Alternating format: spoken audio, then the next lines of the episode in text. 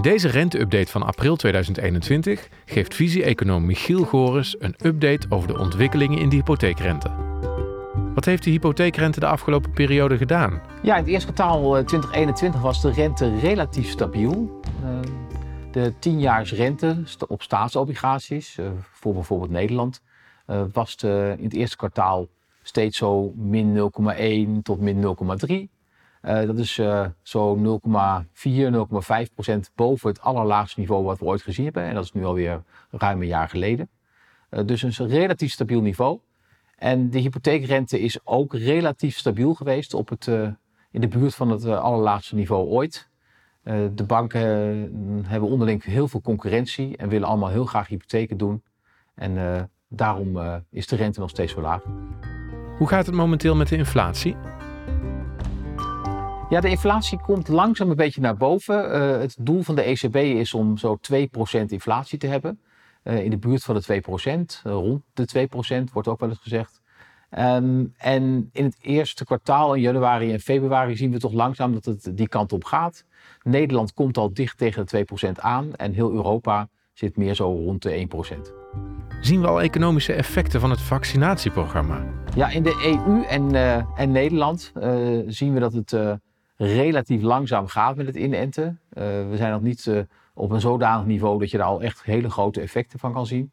In Engeland en de Verenigde Staten, waar ze al veel verder zijn met het inenten, zie je dat de economie al echt weer open gaat. En dat heeft dan natuurlijk ook een positief effect op de economie.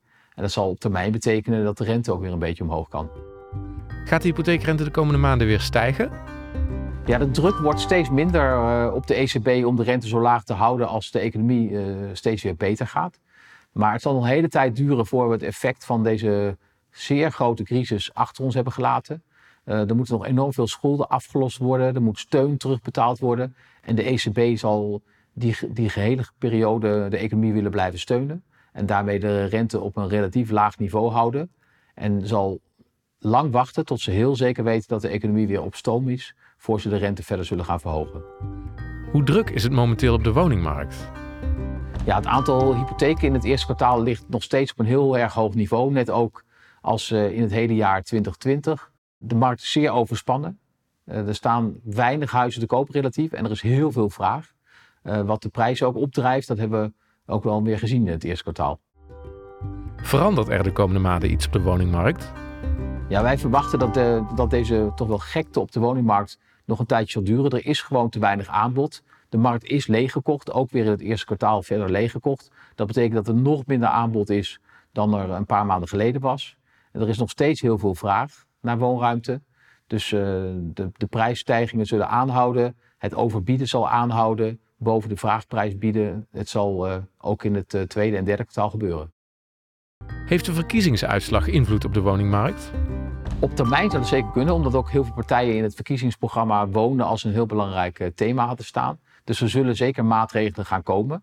Maar we moeten eerst maar eens kijken wanneer er een kabinet zal zijn. Dat kan nog wel uh, een paar maanden gaan duren en misschien ook nog wel langer.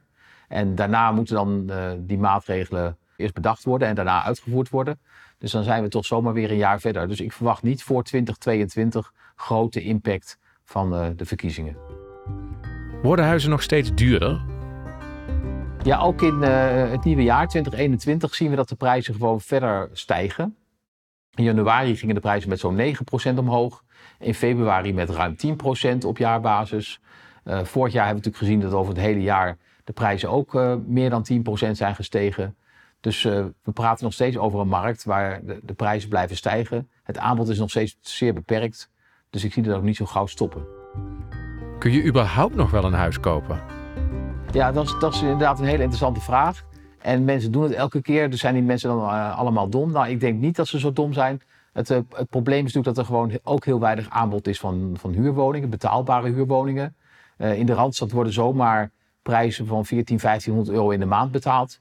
Daar kan je ook probleemloos een hypotheek van 4 of 5 ton voor afsluiten. Dus mensen denken liever dan maar mijn eigen huis kopen. Wat misschien dan ook nog iets meer naar het zin is dan het gehuurde appartement. En nemen de, de hoge kosten voor lief. Is het slim om te wachten met het kopen van een huis? Als je de luxe hebt om te wachten, dan kan je natuurlijk overwegen om te wachten en te sparen. Het is natuurlijk moeilijk om tegen deze prijsstijgingen aan te sparen. Dus dan heb je weer 5000 euro bij elkaar gespaard en dan zijn de prijzen alweer 10.000 euro gestegen. Dus dat is best wel een lastige wedstrijd. Maar de veel belangrijke vraag is: heb je de woonruimte waar je prettig woont? En als je die niet hebt, ben je min of meer wel gedwongen om of duur te gaan huren of duur te gaan kopen.